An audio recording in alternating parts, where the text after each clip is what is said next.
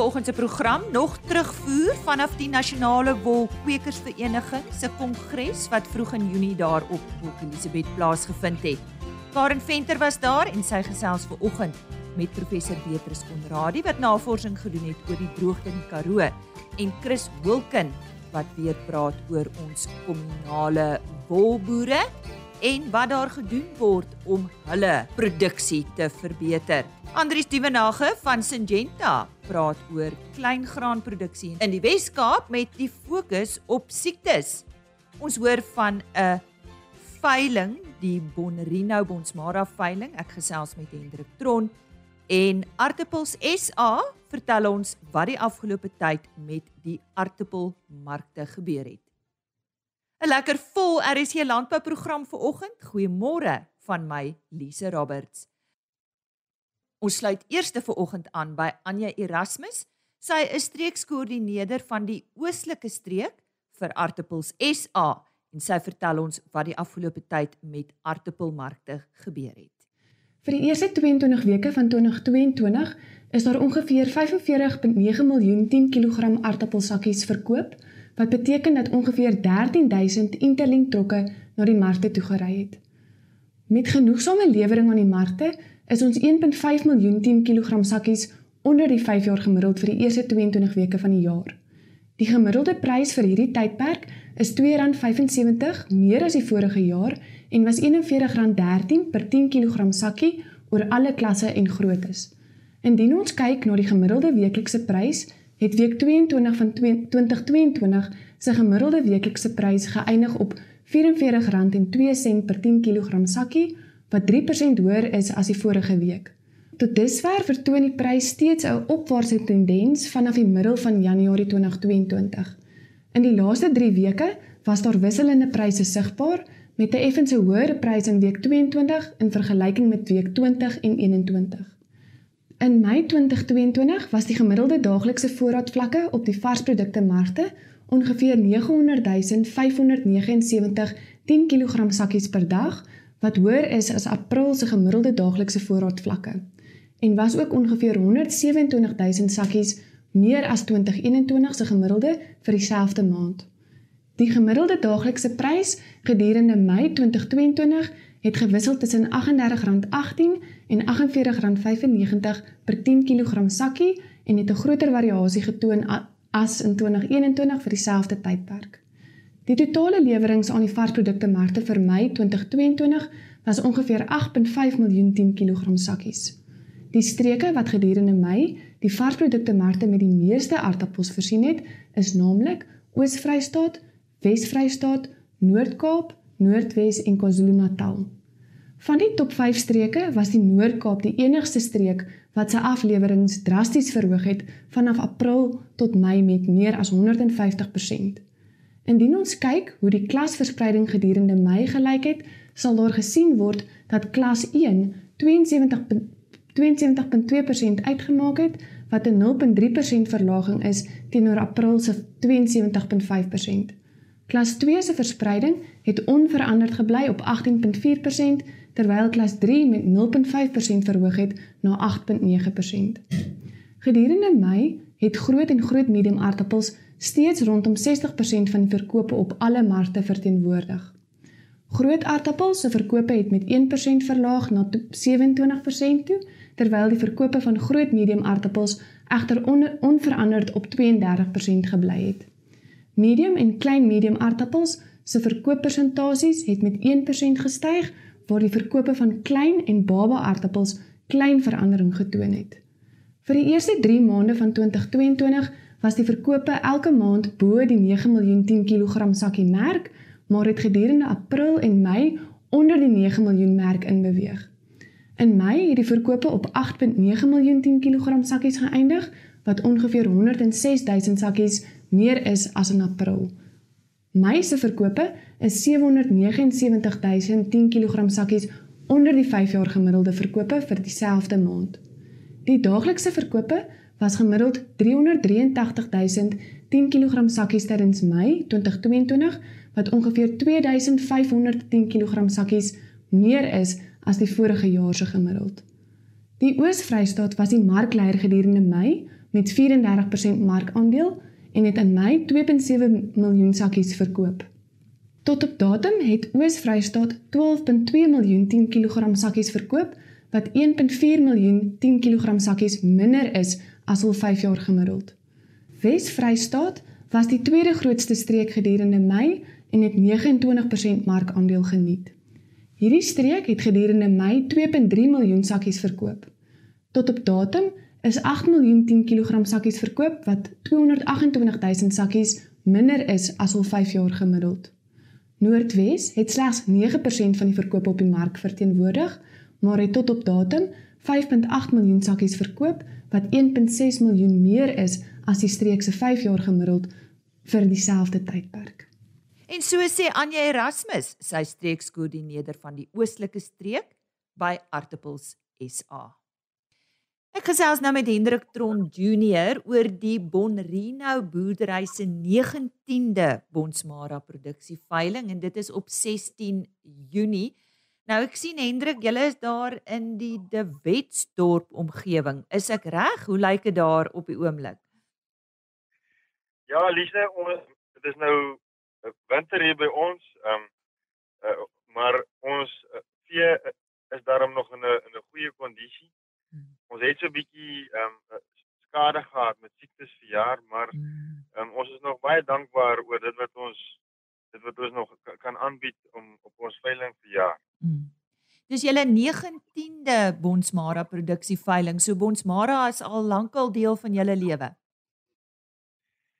Ehm um, my my dit kom eintlik al 'n um, hele paar dekades my my oorlede oupa Jan um, het al in 1958 sy eerste Bonsmara bulle gekoop. Sjoe. Ehm um, en ons het maar ons het 'n uh, uh, ongelukkig nog eers die stoet geregistreer in 2005. Mm. Ek en my pa ehm um, uh, wat ook Hendrik is saam begin boer het. Mm. En toe ons in 2007 ons eerste ehm um, produksieveiling gehou. Ehm um, ons het baie jare het ons twee veilinge in 1 jaar gehad. Daarom het ons nou al ons 19de produksieveiling. Mm -hmm. Waar kom hy naam Bonrino vandaan? Ehm um, dit is maar van Bonsmara beeste en Merino skape, die Bonrino. Okay, reg so, reg so. Nou presies waar is die veiling op die 16de Hendrik?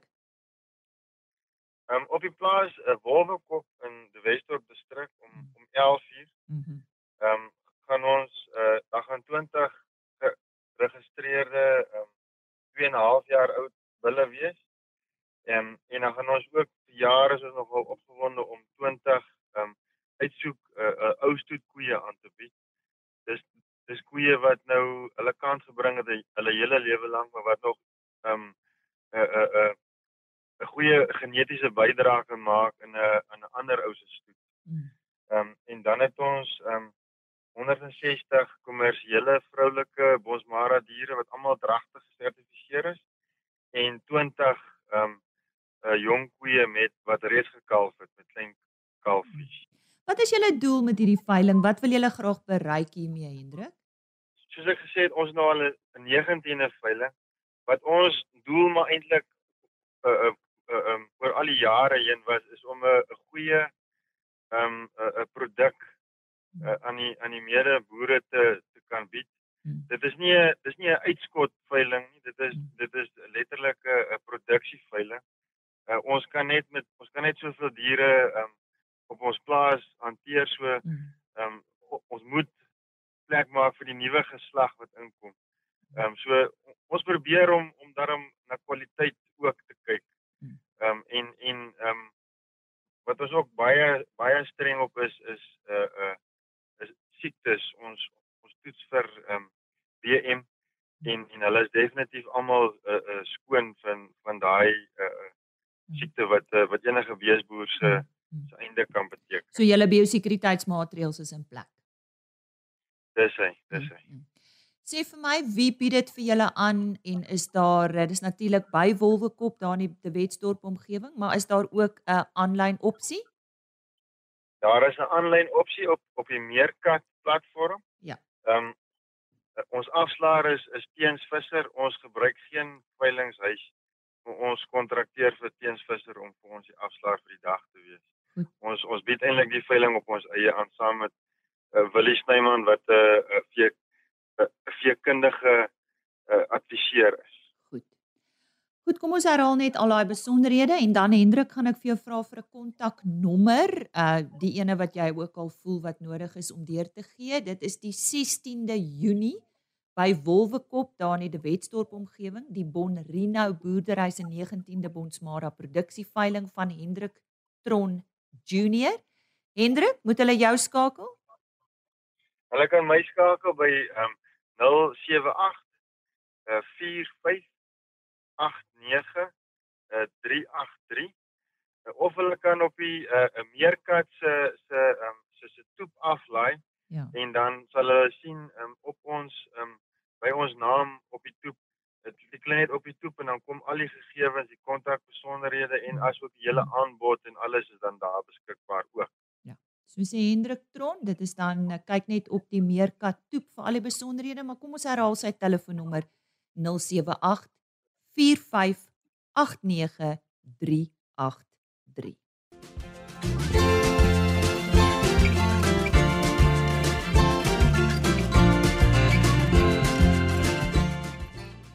Ons fokus ver oggend op klein grane daar in die Wes-Kaap en gesels met Andri Dievenage. Hy is die veldtogleier van klein grane in die Wes-Kaap vir Syngenta. Koringprodusente in die Wes-Kaap is tans besig om die 2022 seisoen se oes in die grond te kry. Nou in die konteks van wêreldgebeure, veral 'n dreigende koringtekort as gevolg van die ontwrigting van internasionale markte, is 'n goeie oes hierdie jaar selfs belangriker as gewoonlik. Dit is daarom uitstekende nuus dat gewasbeskermingsmaatskappy Syngenta onlangs 'n nuwe swamdoder bekend gestel het wat kleingraan siektes uiters effektief beheer.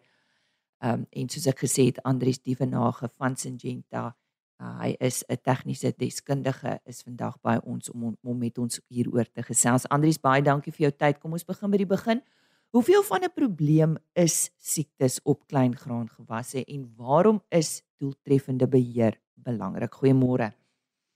Môre Lisa, dankie vir die geleentheid om hier te wees. Ehm um, ja, ek dink dit is dit is moeilik om die verliese as gevolg van siektes op klein grane ehm um, 100% akkuraat te, te kwantifiseer. Maar ek het 'n bietjie gaan oplees en 'n studie gevind wat in 2018 in uh, Molecular Plant Pathology gepubliseer is wat reken dat die wêreldwye opbrengsverliese in koring as gevolg van swamsiektes jaarliks omtrent 15 tot 20% is. Ja, jy kan nou indink as ons niks sou doen om siektes te beveg nie tot watter vlakke vlakke daardie opbrengsverliese sou styg.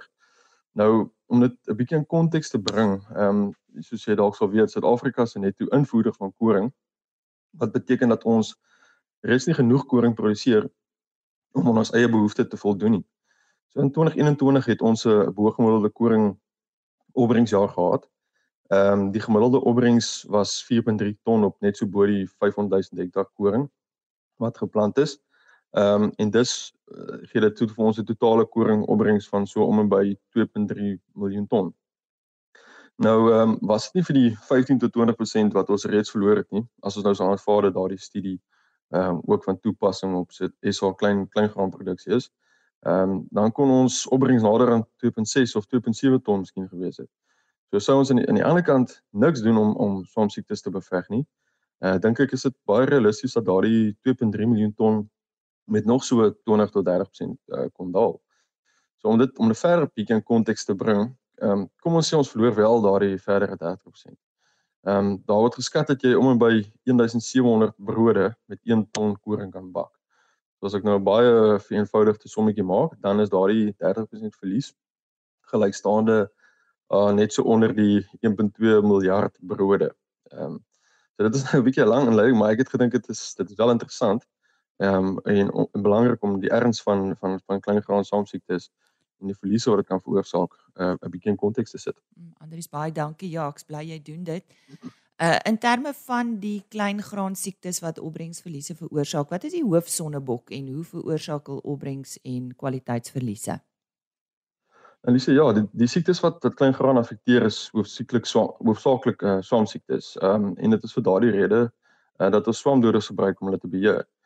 Ehm um, nou die siektes wat wat hierdie verliese veroorsaak is op beide koring en gars uh, poeieragtige meeldou. uh en ook 'n verskeidenheid roese alhoewel nie noodwendig dieselfde spesies nie. Ehm um, en dan bykomend is is dit ook die septoria blaarvlekke en bruinhaar siektes wat redelik algemene probleme op koring is. Uh en op gaar sukkel ons ook soms met uh, netvlek en blaarvlek. Ehm um, nou die die manier uh wat hierdie siektes opbrengsverliese veroorsaak lê primêr in die die letsels wat hulle op die graan se blare veroorsaak wat dan uiteindelik die blare uh laat vergeel en afsterf en die die plant se vermoë om te fotosinteer belemmer. Maar ehm um, die geïnfekteerde graanplant spandeer dan ook self energie om hierdie siekte te probeer beveg. Hierdie energie kon die plant uh, byvoorbeeld gebruik het om meer vegetatiewe groei of wortelmassa te bou. So die siektes kan kan dan ook kwaliteit van die graan ehm um, direk affekteer en 'n afgradering tot gevolg hê. Maar dan nou die opbrengsverliese ehm um, jy weet ook gaan uh, verder vererger deur 'n uh, afgradering van kwaliteit en 'n afgradering of 'n verminderde inkomste vir die produsent sal veroorsaak. Hmm. So wat is die opsies wat die produsent het om verliese as gevolg van hierdie klein graan siektes te beperk en te bestry natuurlik? Wel, ehm um, in Suid-Afrika het ons is ons gelukkig en ons te wy verskeidenheid gewasbeskermingsprodukte tot ons beskikking vir die beheer van ehm uh, siektes op klein grane. Ehm um, maar die meeste van hierdie is gegroepeer in basies drie klasse. Ons praat van die strobiluline, triazole en STHIs. Ehm um, nou hierdie groepering is is gebaseer op die metode van werking wat elkeen van hierdie aktiewe bestanddele gebruik om die siektes te beveg. En dit is ook belangrik vir vir weerstandbestuur. So wat wat egter baie belangrik is, is om jou jou klein graan gewas beskermingsprogram op 'n program op 'n voorkomende beheer uh, basis te bou aangesien die skade reeds aangerig is wanneer die letsels uh, visueel sigbaar raak. Ehm um, en dan is dit ook uh, baie moeiliker om korrektief behandeling toe te toe te pas as wat voorkomende behandeling um, is. So van Syngenta se kant af het ons onlangs 'n nuwe uh, swamdoder, uh, Maravus New na die mark toe gebring met 'n splinte nuwe aktiewe bestanddeel. Ehm um, ons is baie trots om dit uh, te kan doen want dit is elke dag wat ons uh, nuwe aktiewe bestanddeel na die mark toe bring nie. En ook baie bly om 'n uh, addisionele oplossing vir die produsente te kan bied. Om jy af te sluit, uh, Andries baie dankie vir jou tyd vanoggend. Vertel ons bietjie meer oor 'n teenweerstandstrategie in die bestuur van kleingraan siektes. Ehm um, wel ja, ehm um, dis binne binne enige swamsiekte populasie is daar individue wat natuurlik weerstandbiedend is teen 'n metode van werking. Ehm um, wat wat 'n spesifieke aktiewe bestanddeel gebruik om daardie populasie te beveg. So wanneer ons dan nou herhalend daardie selfde metode van werking gebruik, bou meer en meer uh individue van daardie swampopulasie weerstand op en mettertyd is daardie metode van werking dan nie meer effektief om die swampsiekte te te kan beheer nie. Dis nou vir hierdie rede dat dit belangrik is dat ons produkte met verskillende metodes van werking afwissel met mekaar of dan nou seker maak dat die produk wat jy gebruik so ontwerp is om die swampsiekte bloot te stel aan verskeie metodes van werking. 'n Voorbeeld hiervan is dan nou soos ek dit vroeër genoem het, Meralis New. Ehm um, bevat drie aktiewe bestanddele en elkeen met 'n ander metode van werking ehm um, die die swamsiekte beheer. En en die rede vir dit is dat die risiko vir weerstandbiedende die individue om dan nou drie metodes van werking vry te spring baie laag is.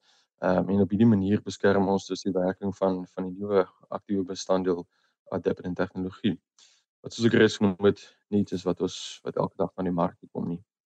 Andries, baie dankie vir 'n baie interessante gesels. Voedselsekerheid is 'n saak wat ons almal raak. Ons sien uit na uiters suksesvolle koring en klein graan oes hierdie jaar. Uh, ons het gesels met Andries Dievenage.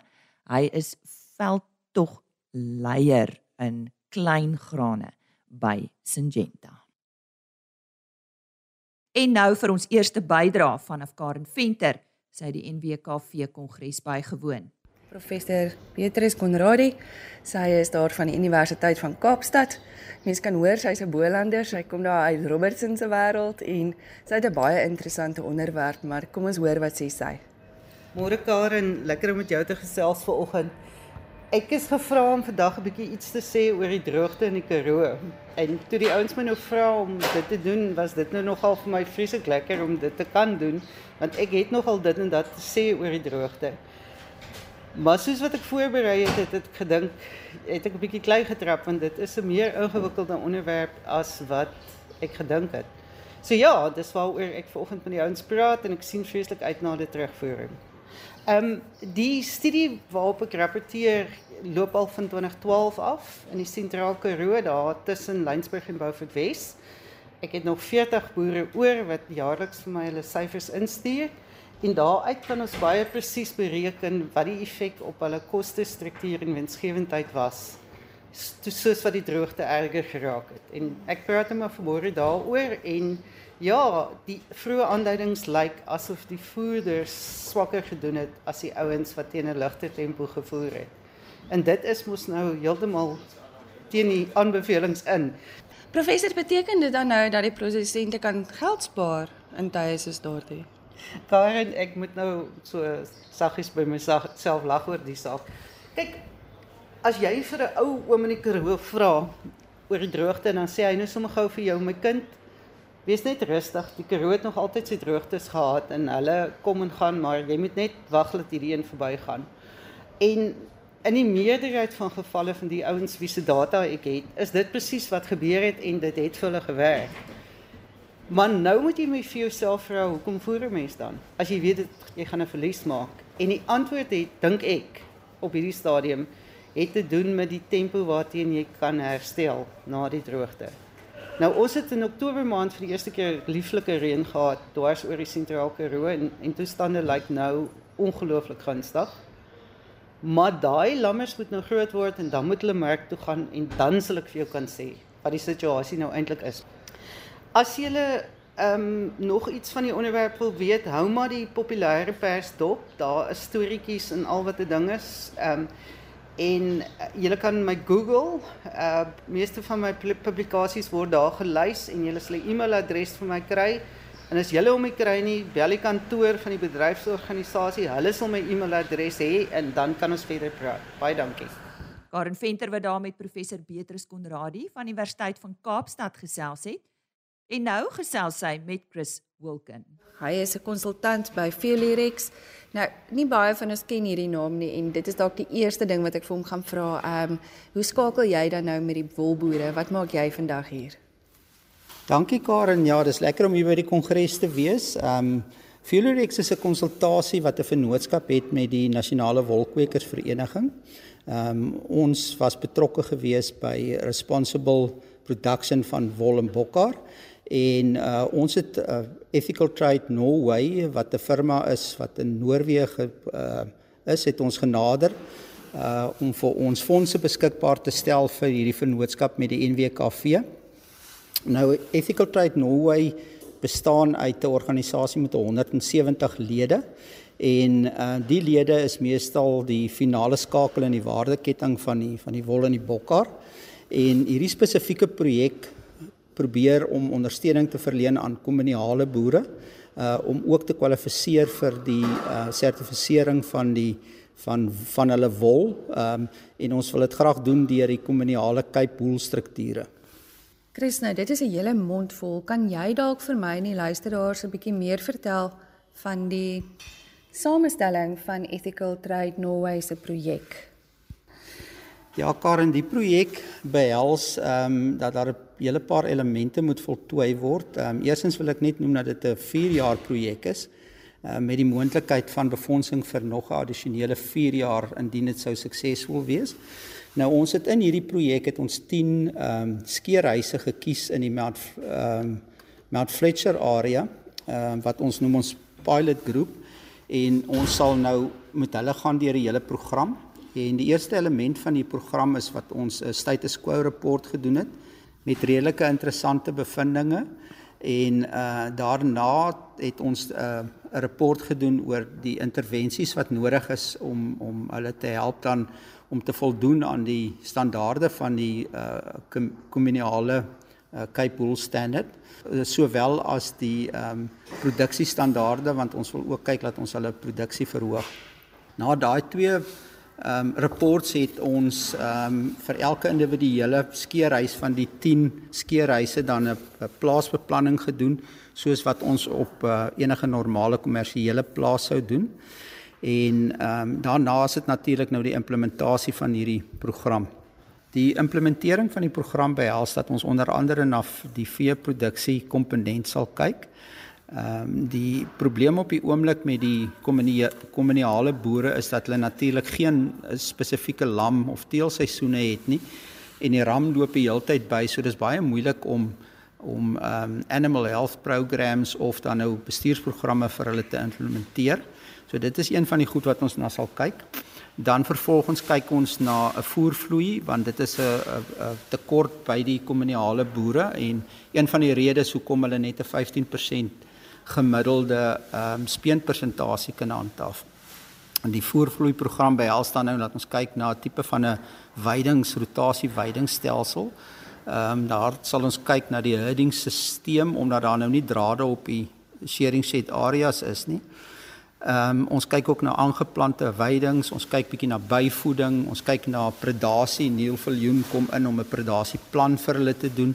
So basies kyk ons na 'n holistiese plan vir hulle en een van die oogmerke uh, anders dan nou as net die sertifisering vir die wolstandaard is om te kyk of ons nie hulle uh, speenpersentasie na bo kan 50% kan neem nie.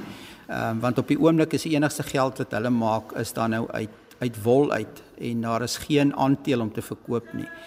Dit is een van die hoofredes hoekom ons die projek doen. Karen Venter wat tydens die Nasionale Wolkwekersvereniging se kongres meer gaan uitvind het oor Fulirex, nog hulp aan ons kommunale wolboere en sy het daar gesels met Chris Wilken. Dis dan vir oggend se RC Landbou. Dankie dat jy ingeskakel het. Ek sluit af met 'n e-posadres rsglandbou@plaasmedia.co.za. Ons kuier dan môre. Totsiens. RSG Landbou is 'n plaasmedia produksie met regisseur en aanbieder Lize Roberts en tegniese ondersteuning deur Jolande Rooi.